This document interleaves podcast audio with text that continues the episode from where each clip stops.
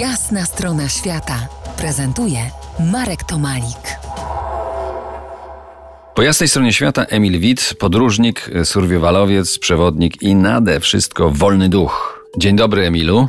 Dzień dobry, dzień dobry. Emil para się fotografią, filmowaniem i komponowaniem muzyki, ale najbardziej lubi ciszę. Powiedz, ile miałeś lat, jak pierwszy raz wybrałeś się do Amazonii? 18 lat, to było w 2013. A co na to mama i tato?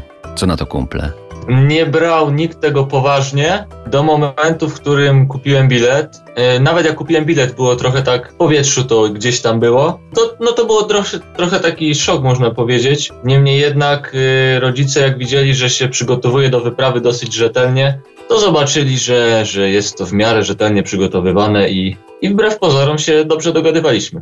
A pamiętasz, co cię wtedy pchało, jeżeli y, możesz na ten wybryk spojrzeć y, z dzisiejszej perspektywy? Skąd miałeś ten napęd? To był duży bunt, y, duża niezgoda wobec systemu, głównie systemu edukacji. To była chęć y, wytyczenia swojej ścieżki i dotknięcia tego, czego nie umiałem w sobie i w otoczeniu znaleźć tutaj w Polsce. Może to brzmieć trochę enigmatycznie, ale, Nie. ale tak właśnie było. Dla mnie brzmi bardzo klarownie, przekonująco. Y, Nie wiem jak dla słuchaczy. A- powiedz, a pierwszy, to był pierwszy wyjazd y, przed maturą i zaraz był kolejny, zaraz po maturze. Zassało cię, zassało cię za tym pierwszym razem? Tak, później po tej pierwszej wyprawie zorganizowałem kolejne osiem i miłość trwa ciągle. Ciągle myśli wędrują w tamtą stronę, często, często gęsto. W jakich krajach eksplorowałeś wtedy swoją amazońską młodość? Pierwsza wyprawa była do brazylijskiej puszczy, a kolejne wyprawy były już do peruwiańskiej puszczy. Pojawił się jeszcze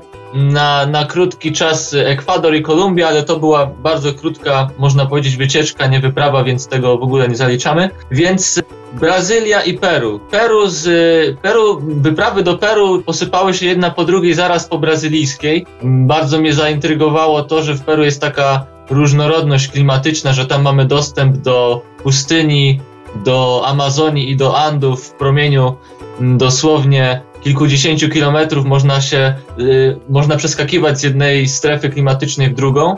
I ta różnorodność etniczna i przyrodnicza mnie tak wciągnęły, że czuję, że potrzebuję jeszcze 20 lat, żeby powiedzieć z ręką na sercu, że znam Peru. A może i tak 20 lat będzie za mało.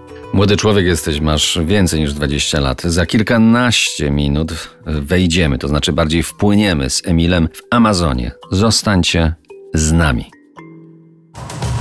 To jest Jasna strona świata w RMS Classic.